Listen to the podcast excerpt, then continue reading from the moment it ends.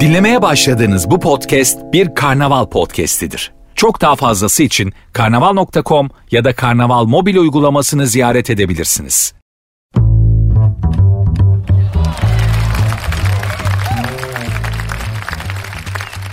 Sert ünsüz başladı hanımlar beyler ben Nuri. İnanır mısınız?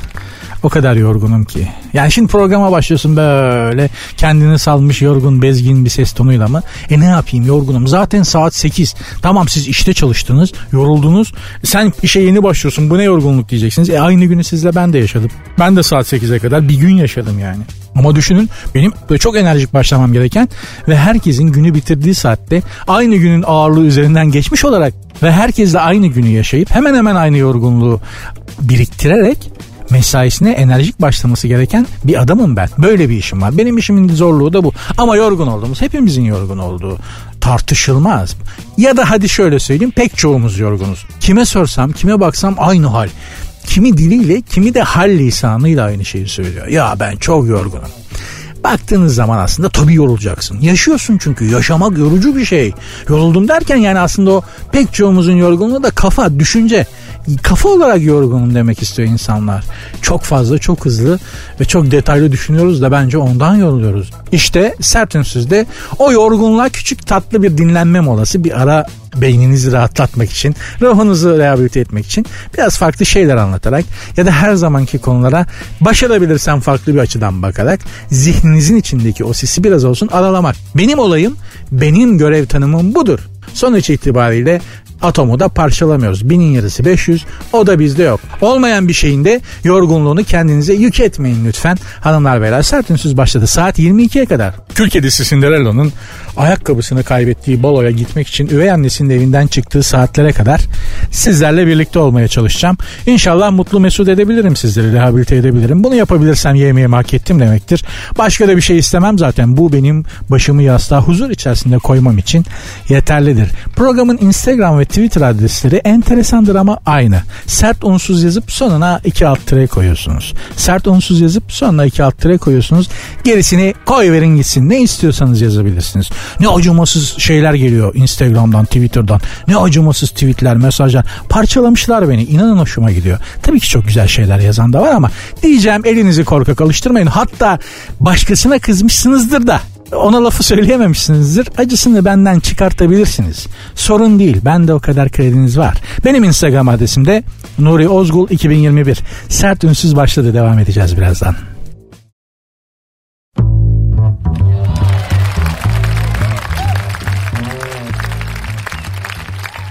Az önce bahsetmiştim hepimizin işi çok zor, çok yorucu hayat çok yorucu diye. Ya benim işimin yorucu kısmı şu. Benim rakiplerim çok büyük. Hepinizin kariyer yolculuğunda rekabet ettiği insanlar ya da kurumlar ya da işte neyle rekabet ediyorsanız bu bir at da olabilir eğer jokeyseniz. Ya o atı bir türlü geçemedim abi diyen jokeyler tanıyorum da o yüzden. Neyle rekabet ediyorsunuz ya da kimle rekabet ediyorsunuz o gerçekten çok yenilmez gibi geliyor bize. Çünkü çok yorucu maalesef. Rekabet çok keskin yaşadığımız zaman da benim rekabet ettiklerim de yani şu saatte benim rakiplerim öteki radyocular mı zannediyorsunuz?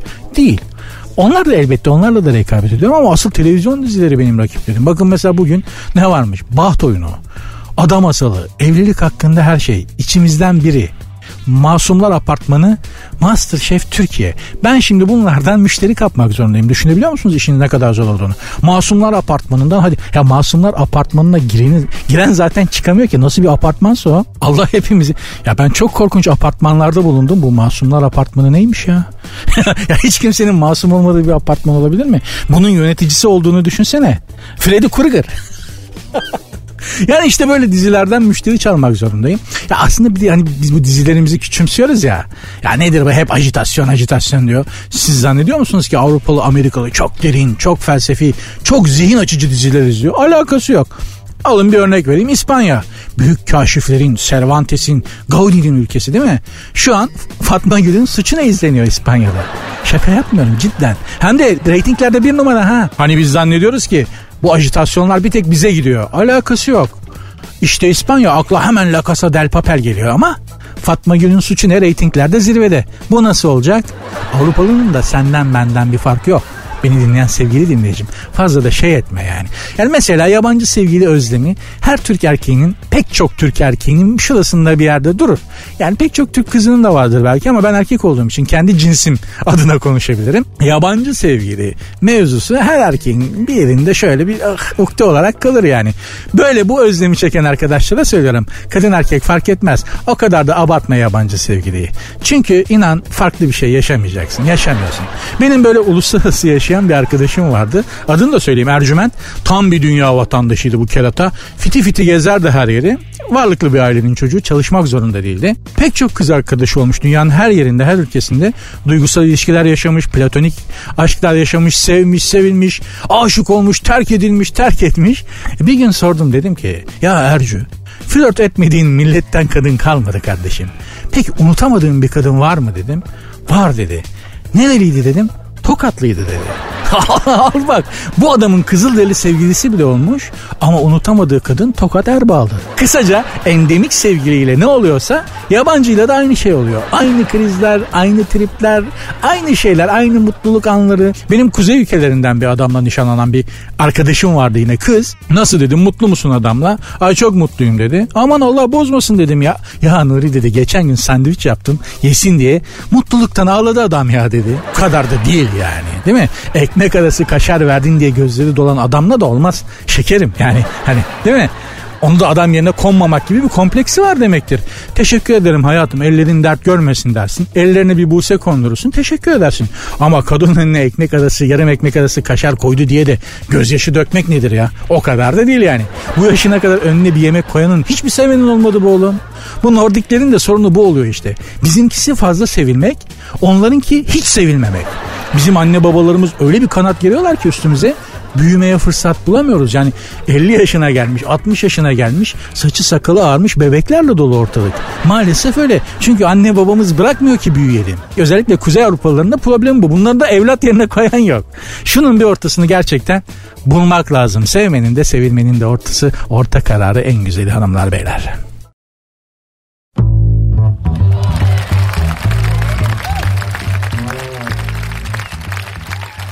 Sert Ünsüz devam ediyor.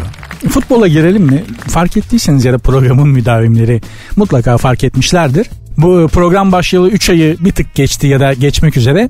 Bugüne kadar herhalde bir kere ya da iki kere futboldan bahsettim. Pek girdiğim bir konu değildir ama bugün bir tık değinelim. Beşiktaş kaybetti geçen hafta. Galatasaray kazandı ama Fener'i de Trabzonspor yendi. Ve Sayın Ali Koç taraftara seslendi. Takımı havaalanında karşılayın, destek verin diye. Fenerbahçe taraftarı da gitmiş takımı havaalanında karşılamış. Bu bana bazı şeyleri hatırlattı. Türk futbolunda ne eksik? Hakemler berbat.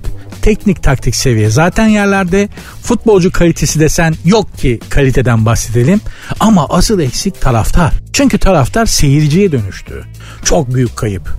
Bizim zamanımızda bir tezahürat vardı. Burası sinema tiyatro değil diye. Vallahi bak. Yani diyor ki burası stadyum, burası futbol stadyumu. Burada oturup seyretmek diye bir şey yok kardeşim. Bayılana kadar bağıracaksın. Kime bağlayacağım? Kimin aleyhine bağırmak istersen. Ya bir maçta Yunanistan'da ben Beşiktaşlı olduğum için kendi bulunduğum tribünden örnekler veriyorum. Benzerlerini yaşamışsınızdır muhtemelen diğer takımı tutan arkadaşlarım. Ya bir maçta yanındaki adam şerefsiz patron diye bağırdı arkadaşlar. Ya adam artık patron mu izin vermedi, zam mı yapmadı? Biz ayağa kalkmış hakeme saydırıyoruz. Baba arada şerefsiz patron diye falan bağırıyor. Bir gün gene Beşiktaş kapalısında maç seyrediyorum. Kapalının en hızlı zamanları Amigo Alen Fırtına gibi genç o zamanlar. Bir Avrupa Kupası maçı sanıyorum Göteborg maçı. Ya 90 dakika hoplanır zıplanır bağırılır mı? Maçı seyretmek yok ha. Kalk bağır zıpla üçlü çek bir daha bağır bir daha zıpla hopla. Tam bir terapi aslında. Yani psikoloğa gitmene falan gerek yok. Bir maç parası ver eğer başarabilirsen Beşiktaş kapalısının tam ortasına gir. 90 dakika sonra kafan pırıl pırıl. Çiçek gibi kafayla çıkarsın stat'tan. O dönem öyleydi. Bir oturayım dedim yani maçta kapalıda maç seyrediyorum. Ya bir oturayım yoruldum dedim. İki taraftan iki, iki taraftan iki koluma girip ayağa kaldırdılar. Lan durun ne oluyor maça bakayım diyorum. Alem bağırıyor oradan. Eve gidince 50 bin tane kanaldan maçı seyredersin. Bağırın lan diye. Sesle gitmiş. Ya maç seyretmeye stada gelmişim değil mi? Adam diyor ki eve gidince seyret televizyondan. Şimdi bağır. Maçı seyretme. İşte taraftarlık budur. Ne zamanki stadyumlar arena oldu Bizde futbol o zaman bitti. Tesisleşince futbol gelişir diyorduk. Tesisleştik futbol bitti. Bu ne yaman çelişki lan? Şimdi takım formsuz olunca ne bekliyoruz? Hoca işte çalıştırsın, kondisyoner çalıştırsın, takım form tutsun. Bizim zamanımızda takım formsuz olunca taraftar idmanı basardı. Cidden bak. Zaten Beşiktaş'tan bahsediyorum. Zaten Fulya'da tesis. Beşiktaş'ın göbeğinde. Futbolcular elinin altında yani. Hemen yolun kenarında, kaldırımın kenarında Beşiktaş idman yapardı. Ya hatta mesela Beşiktaş formsuzsa arabayla Fulya'dan geçerken takım antrenmana denk geldiyse her takımın antrenmanına kısa bir an durur camı açar oynayın lan diye bağırıp devam eder. Metin Ali Feyyaz ha onlara bağlıyorsun yani. 2-3 maç kaybedersen de taraftar gider idmanı basardı. Dövmek için ha futbolcuları dövmek için. Futbolcuları kovalarlardı sahaya girip. Ha kendi kafalarına göre mi? Değil. Onu da organize eden kulüptü futbol şube sorumlusu diye biri vardı. Amigoları toplardı. Beyler takım ayak sürüyor etrafınıza biraz adam alın şunlara bir ayar verin bakayım diye yol verirdi. Bunlar da gidip idmanı basar. Futbolculara işte milyarlık eşekler diye falan bağırırlardı. Sahaya girip kovalarlardı oynayın lan falan diye. Ama bir hafta sonra da bir tepsi baklava alıp idmana özür dilemeye giderlerdi. Kovaladığı futbolcuya elleriyle baklava yediren amigo fotoğrafları falan olurdu spor sayfalarında. Şimdi bunlar kalmadı. Ben Türk futbolunun geleceğini ne hakemde, ne tesisleşmede, ne teknik taktikte, ne de var uygulamasında görüyorum. Bence taraftarın idman basma geleneği geri gelsin. Bak o zaman nasıl oynuyor topçular. Bir deneyelim çok olumlu sonuç alacağız diye düşünüyorum arkadaşlar. Sert Ünsüz devam edecek.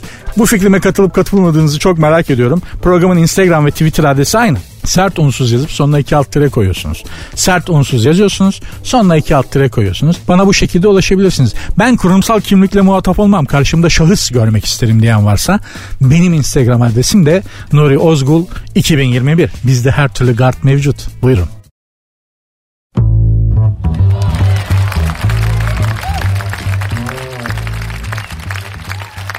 Gün geçmiyor ki uzayla, uzaylıyla ilgili bir haber ortalığa saçılmasın.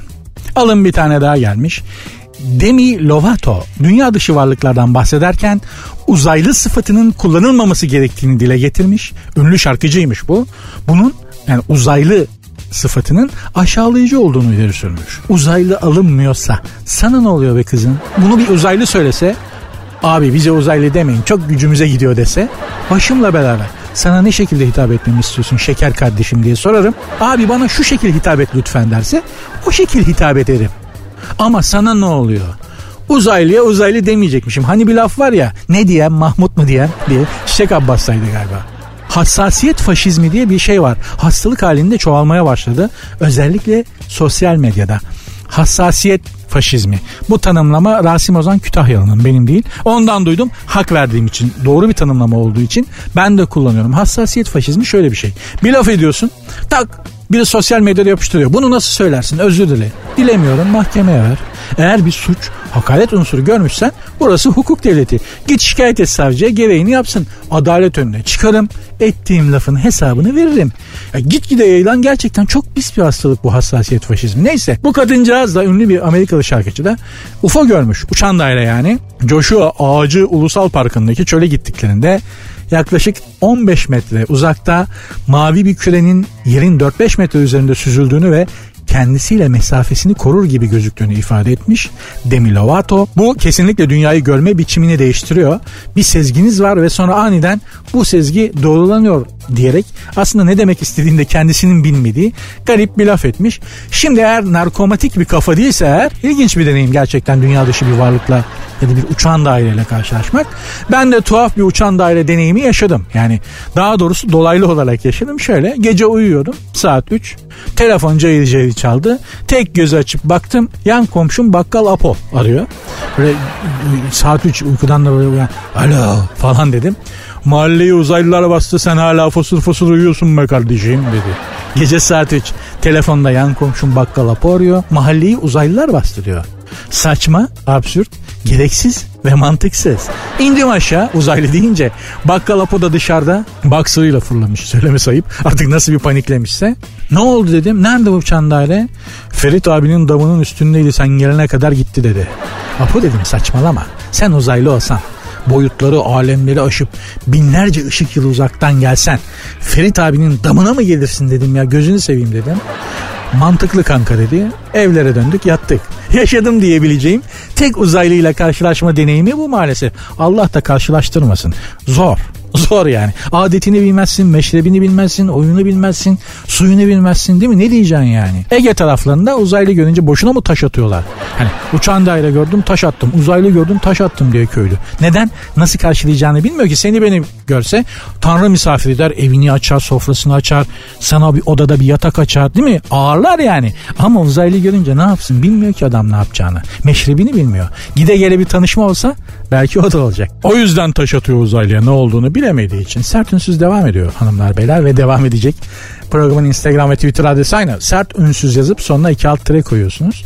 Benim Instagram adresim de Nuri Ozgul 2021.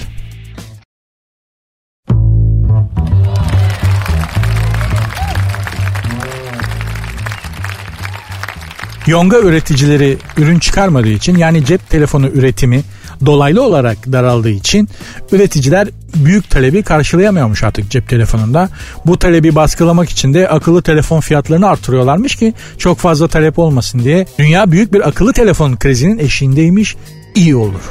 Yani ben gelişmeye, ilerlemeye kapalı bir insan değilim. Ama şu akıllı telefon çılgınlığına da artık birinin ayar çekmesi lazımdı. Bu kadar kolay ulaşılır olmak iyi bir şey değil. Sizin benim için değil, makam mevki sahibi insanlar için hiç değil. Bir hatıramı anlatmak isterim bununla ilgili. Ne demek istediğimi daha iyi ifade etmiş olurum böylece. Epey bir zaman oldu. Sayın Tayyip Erdoğan Cumhurbaşkanımız o zaman başbakandı. Biz de NTV televizyonu için Kasımpaşa'da bir sokak röportajı yapıyoruz. Tayyip Bey'in doğup büyüdüğü mahalleye denk gelmişiz. Farkında değiliz orada olduğumuzun. Sadece Kasımpaşa'da yapıyoruz diyebiliyoruz. Konu da yenilenebilir enerji mi yoksa Avrupa Birliği'ne girelim mi girmeyelim mi öyle bir şey tam hatırlamıyorum. İç siyasetle alakası yok yani. Bir amca var böyle duvar dibine hasır bir sandalye atmış bizi izliyor. Biz de geleni geçeni çevirip soruyoruz işte Avrupa Birliği'ne girelim mi girmeyelim mi ne diyorsunuz diye. Amca bize laf attı. Vatandaşın daha ciddi şikayetleri var kardeşim bırakın bu mevzuları dedi. Bu bir klasiktir zaten yani sokak röportajı yaparken illa mevzuyu beğenmeyen bir vatandaş çıkar. Bizim ne sıkıntılarımız var siz bu konuyu mu konuşuyorsunuz diye biri illa çıkar. E gel konuş dersin yok ben konuşmam der. Hem fikri var hem tırsık. Söylemekten korktuğun düşüncenin de bir kıymeti yok o zaman. Neyse gittim amcanın yanına. Buyurun dedim nedir şikayetiniz? Başbakandan şikayetçiyim dedi. Dediğim gibi Tayyip Bey de o zaman başbakan. Hayırdır neden ne şikayetiniz var Sayın Başbakan'dan dedim. Arıyorum açmıyor dedi. Ya, yok yok e, cepten arıyorum no'ya basıyor dedi. dedim ki amca sizde Sayın Başbakan'ın telefonu mu var? Dedi ki evet benim komşum. Bende telefonu var. Kasımpaşa'daydık diyorum ya Tayyip Bey'in mahallesindeymişiz. Dedim ki amca koskoca başbakan cep telefonunu kendi taşımaz. Yanında özel kalem müdürü vardır, müşaviri vardır. O bakar o başbakanın telefonlarına dedim. Ha olabilir dedi. Peki dedim neden arıyorsun başbakanı çok merak ettim dedim. Mahallenin çocukları bu sokak lambalarına taş atıp kırıyorlar onu şikayet edeceğim dedi. ya bak düşün bu bir tanesi. Kim bilir böyle neler var. Ya bana bile ya bana bile vaktiyle ne acayip şeyler soranlar oluyordu. En çok da rahmetli babaannem. Şimdi ben medyada çalışıyorum ya. Babaannem ikide bir bana magazin sorusu sorardı. Bir gün şeyi sordu. Seda Sayan hala kocasıyla duruyor mu? Seda'nın birkaç evlilik yaptı ya seri bir şekilde. Ya babaanne ne bileyim ben Seda Sayan evli mi boşandı mı? Bu zaman başka bir şey dönüyordu. O haber okuyan kız var ya Star'da Jülide Ateşi diyor. Onun parmağında yüzük vardı çıkarmış. Nişan mı attı o kız? Ya ben ne bileyim babaanne ya deyince de aman be sen de çalışıyordun diyorsun. Dünyadan haberin yok derdi rahmetli. Bu kadar kolay ulaşılabilir olmak iyi bir şey değil, hoş bir şey değil. İşte görüyorsunuz adam başbakanın telefonunu eline geçirmiş. Çocuklar sokakta oynarken mahalle lambalarına taş atıp kırıyorlar diye koca başbakanı arıyor yani. Ha, Suriye cayır cayır, Irak cayır cayır, Rusya oradan, Yunanistan buradan Amerika ile Fransa'nın kucağına oturmuş üstümüze gelmeye çalışıyor. Koskoca devlet adamı bununla uğraşırken zır telefon. Efendim ya şu çocuklara bir şey söyle elektrik direklerinin lambalarını kırıyorlar ya. Hakikaten ya. Her işin bir zorluğu var dedim ya. Bu işin de böyle bir zorluğu var demek ki yani.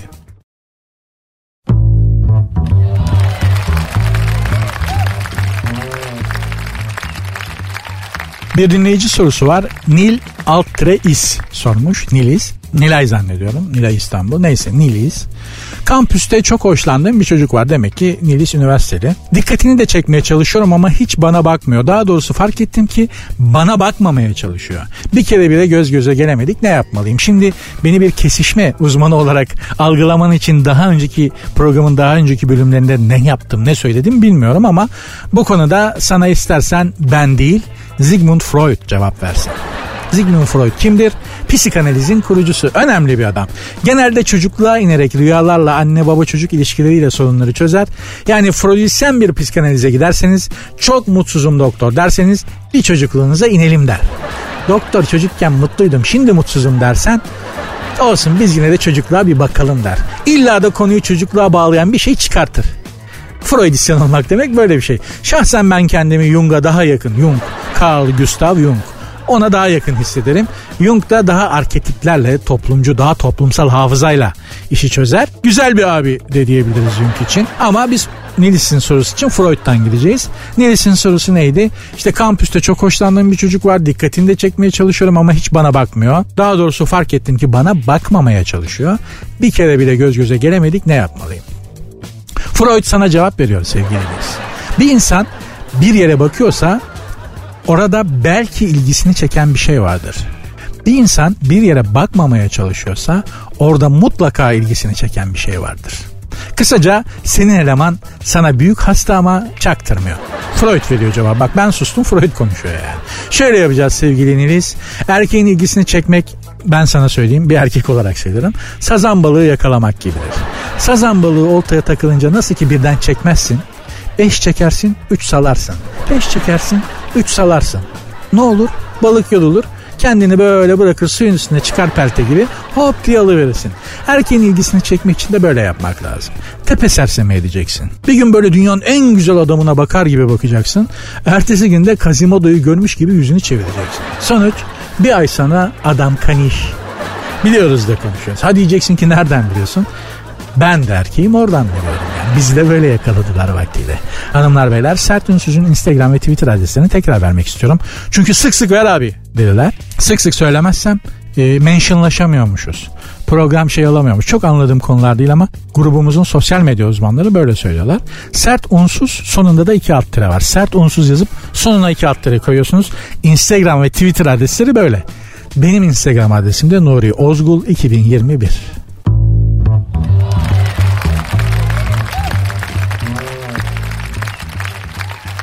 pek çoğumuz için yani orta yaşlı insanlar olduğumuzu düşünüyorum. Bizler biliyorsunuz kalp sağlığımıza dikkat etmemiz gereken dönemlerdeyiz. Bilim adamları kalp krizini tetikleyen 6 şeyi sıralamışlar. Neymiş? İlk sırada patrondan nefret etmek kalp sağlığını bozuyormuş. Bu habere göre hepimiz potansiyel kalp hastasıyız zaten. Yani bende 4 tane stent var kalpte. Her biri bir patrondan hediye zaten yani patrondan nefret etmeyen var mıdır ki? Ha ben etmiyorum şimdi. Bizim patron ayrı. Bizim patron şu anki patronum cici. Öteki patronlar kaka. Canım patronum. Kapitalizmin gücünü de görüyorsunuz. Kalp bile patrondan yana. İkinci olarak kalp sağlığını bozan şey e, dişlere iyi bakmamakmış. Dişler ile kalp sağlığı arasında sağlık açısından çok sağlam bir bağ varmış. Benim dişler iyiydi. inci gibi dişlerim vardı açık söyleyeyim. Genetik olarak çok e, sağlam bir mirastı dişlerim. Ama hayatın içinden geçerken döktük dişleri. Gençken ağzımın içi agora gibiydi. Şimdi megara gibi oldu. Neden? diş sıkmaktan. Niye sıkıyorsun dişi? Mecazi anlamda diş sıkmaktan bahsediyorum. Yani işsiz kalırsın sık dişini oğlum. Sevdiğin kızı başkası kapar sık dişini oğlum. Etrafında bir sürü saçmalık görürsün akıl erdiremezsin sık dişini oğlum dayan oğlum diye diye. Diş mi kalır abi insanın ağzında?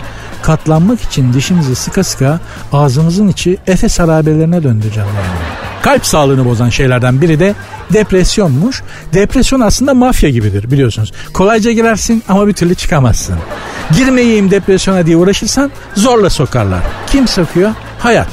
Şu hayatta her şey sağlığımızın aleyhinde be kardeşim. Bakın mesela dünyanın en sağlıklı ülkesi İspanya çıkmış. İspanya normal. Neden? E, bir tarafın okyanus bir tarafın Akdeniz. Üstün Avrupa altın Afrika. Gam yok kasavet yok. Günde 4 saat çalış 20 saat siesta. Müzik sanat mimari mutfak tarih. E para da var.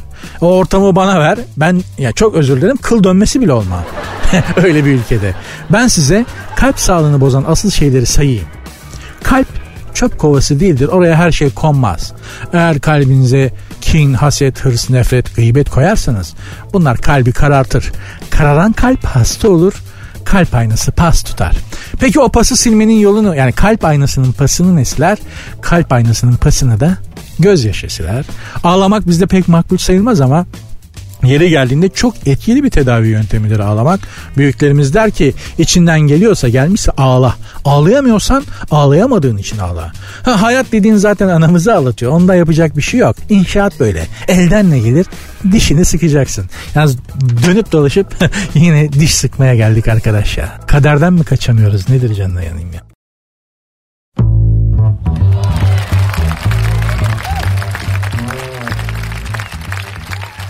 İngiltere Kraliçesi Elizabeth tahttaki 70. yılını kutlayacakmış. 70 senedir İngiliz tahtında oturuyor kadın. Taht bile sıkılmıştır. Alın bu kadının üstünden artık diye isyan ediyordur eminim yani. Ben tahtı gördüm. Taht da epey yıpranmış yani 70 senedir de aynı kalça üstünde oturuyorsa sıkılırsın. Taht olsan sıkılırsın yani. Allah sağlıklı uzun ömürler versin. Maşallahı var kadının. Geçen hafta ilk defa baston kullanırken görülmüş. 95 yaşında daha bastona yeni düşmüş kadın. Maşallah. Ma hakikaten maşallah. Ben 50'ye girdim devrekten baston bakıyorum yani. İki tane dünya savaşı atlattı İngiltere kraliçesi biliyorsunuz. Hitler'i Mussolini'yi falan gömdü.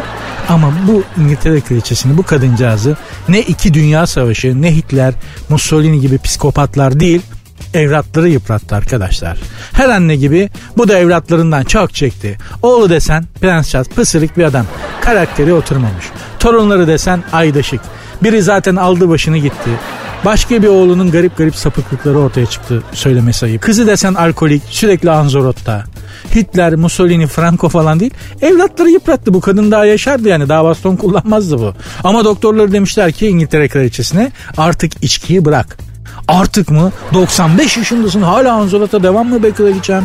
Bundan sonra ya senin gül suyu değil mi? Hani zile pekmezi, erik hoşafı, leylak kolonyası falan senin kullanacağın sıvılar bunlar. Getirtebiliyorsan zemzem suyu değil mi? Alkol, malkol bunları çok yanlış şeyler sayın kraliçem. Tabi doktorlar öyle bırak falan diyemiyorlar koca kraliçeyi öyle emir kipiyle konuşamazsın. Aklını İngiliz gizli servisi alıverir valla. Dünyanın en seçkin katilleri biliyorsunuz İngiltere kraliçesinin emrindedir. Biliyoruz da konuşuyoruz yani. Amerika mesela yani kuduz bir köpektir arkadaşlar. Onun tasması da İngiltere'nin elindedir. Kıs kıs kıs tut oğlum diye istediği yere salar Amerika'yı İngiltere. Bu kraliçenin de böyle tontiş tontiş takıldığına bakmayın. Falkland adaları krizinde vaktiyle içinden bir psikopat pörtledi bu kadının. Bütün kadınlar sürprizlidir gerçi. Bütün kadınlar şaşırtıcıdır. Ama İngiltere kraliçesi gibi sürprizli olmasalar iyi olur yani. Bunu nasıl büyük anası büyük kadındı. Kraliçe Victoria. Boydan kısa böyle rahmetli anneannem gibi bir kadın ama stil sahibi kadındı. Mobilyada bile Victoria stili, Victoria tarzı diye bir şey var düşünün. Ki zaten kadında da yani genel olarak kadın denen varlıkta da büyüleyici olan stil sahibi olmasıdır. Güzellik herkeste bir şekilde var. Yoksa da yatıyorsun bıçağın altına sana bir şekil veriyorlar bir güzellik veriyorlar. Ama stil işte bak o her kadında yok. Ah nerede öyle kadın? Erkek için de bu böyledir gerçi. Jean-Paul Belmondo toprağı bol olsun geçenlerde öldü. Tipsiz bir adamdır. Eski boksör. Dolayısıyla burnu üç defa kırılmış. Gözler şaşı, dudaklar köfte, kocaman bir ağız. Buna diyorlar ki bu tiple dünyanın en güzel kadınlarıyla nasıl birlikte olmayı başardın? Baba cevap veriyor. Tipim yok ama tarzım var. Allah son nefeste iman nasip etmiştir inşallah. Büyük adamdı Jean-Paul Belmondo abi. Buradan da beni dinleyen genç arkadaşlarıma seslenmek istiyorum. Tipi boş verin, tarz sahibi olmaya bakın.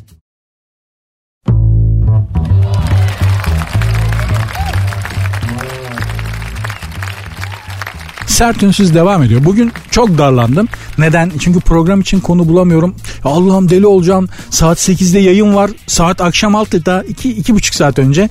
Daha aklımda tek kelime yok. Deli gibi bakınıyorum böyle internet, gazeteler, dergiler, kitaplar falan.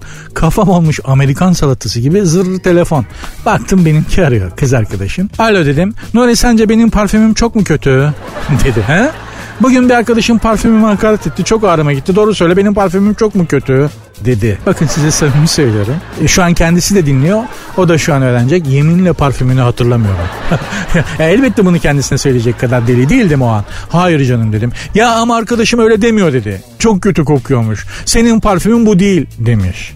Sonra da adı ne bu parfümün diye parfümün adını sormuş. Çakala bak beğendi ama çaktırmıyor. Benden parfümün adını söylenmeye çalışıyor. Kendini mi alacaksın kötü kokan parfümü dedim. Nasıl iyi laf sokmuş muyum dedi. Yavrum iki saat sonra yayın var. Aklımda hiç mevzu yok.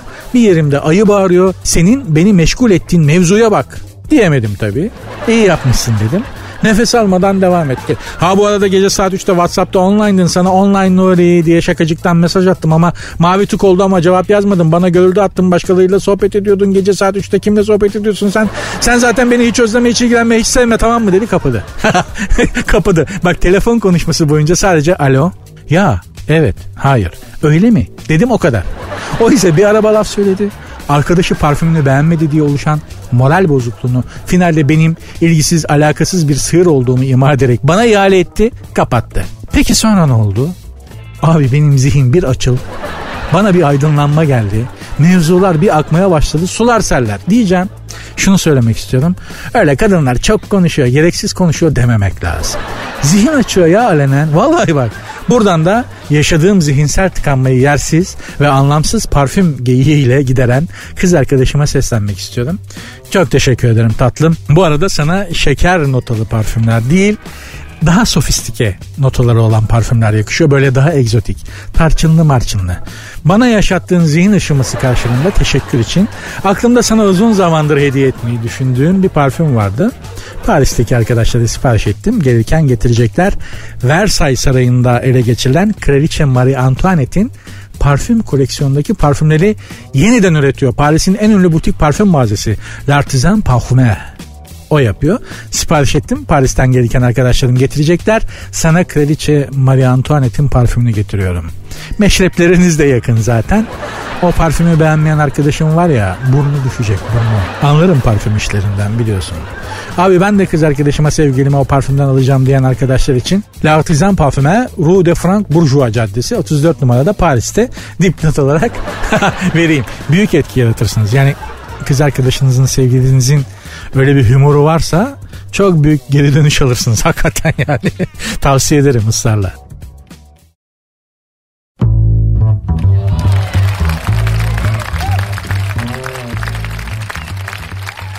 Sert ünsüz biraz sonra sona erecek arkadaşlar ama hemen şimdi bunu duyar duymaz da kaçmayın. Beraber açtık beraber kapatalım programı. Beylikdüzü'nde taksi şoförünün tuvalete gitmesini fırsat bilip taksisini çalan ve 3 gün boyunca taksicilik yapan vatandaş yakalanmış. İfadesinde beni durduran herkesi taksiye aldım. Bu benim mevcut sisteme olan bir tepkimdi. Ben süper bir kahramanım demiş. Yani İstanbul gibi taksicilerin prensip olarak müşteri kabul etmedikleri bir şehirde her el eden müşteriyi taksisine alan bir adam süper kahramandır. Hatta velayetten nasibi vardır mübarek adamdır o. Bu devirde İstanbul gibi bir şehirde ufacık bir iş bile olsa, ufacık bir şey bile olsa bizim hayatımızı kolaylaştıran herkesin heykelini dikmek lazım. Mesela ben bugün öyle heykeli dikilecek bir adamla tanıştım. Tanıştım da gördüm yani. Kilios Sarıyer hattında bir İETT şoförüydü. Her otobüse binene güler yüzle günaydın hoş geldiniz dedi adam. Otobüse her binen de günaydın hoş geldiniz diyen güler yüzlü bir İETT şoförü görünce eti dökülmüş lahmacun gibi oldu böyle herkes. Bir İETT şoförü yüzümüze gülerek günaydın diyor. Otobüse binerken. Bünyemiz alışık değil İstanbullular olarak. Adamın boynuna sarılıp ağlayacaktım neredeyse. Sen ne güzel bir insansın diyerek. İETT şoförlerinin işi çok ağır eyvallah. Ama o ağır ve zor işi yaparken bile adam vatandaşa gülüyor hoş geldiniz diyor. Helal olsun. Deli herhalde. Ya da çok özel bir insan. İETT genel müdür olsam alır daha önemli bir mevkiye getiririm. Çok barındırmazlar çünkü o adamcağız o halde o işte. Neyse hayat zor, dünya da zor, İstanbul'da zor. Her yerde zor ama bir tatlı tebessüm bile hayatı güzelleştirmeye yatıyor be. Ha? Böyle de ciciloş gibi mesajla da programı bağlar başı yapmak isterim. Bugünlük bu kadar. Umarım eğlenmişsinizdir. Rehabilite edebilmişimdir sizi. Başka şeyler düşündürtebilmişimdir. Bu da iyi bir meditasyondur. Kendi gerçekliğinizden kopmak, başka yerlere gitmek zihnen çok güzel bir meditasyondur. İnşallah biraz başarabilmişimdir. Kül kedisi Cinderella'nın ayakkabısını kaybettiği saatlere doğru yavaş yavaş giderken sert ünsüz bitti bugünlük arkadaşlar. Programın Instagram ve Twitter adreslerini vereyim ki belki bana ulaşıp bir şeyler yazmak, beni yönlendirmek, bana akıl fikir vermek istersiniz. Sert unsuz yazıp sonuna iki alt tire koyuyorsunuz. Sert unsuz yazıp sonuna iki alt tire koyuyorsunuz. Instagram ve Twitter adresleri böyle. Benim Instagram adresim de Nuri Ozgul 2021. Yarın görüşmek üzere. Dinlemiş olduğunuz bu podcast bir karnaval podcastidir. Çok daha fazlası için karnaval.com ya da karnaval mobil uygulamasını ziyaret edebilirsiniz.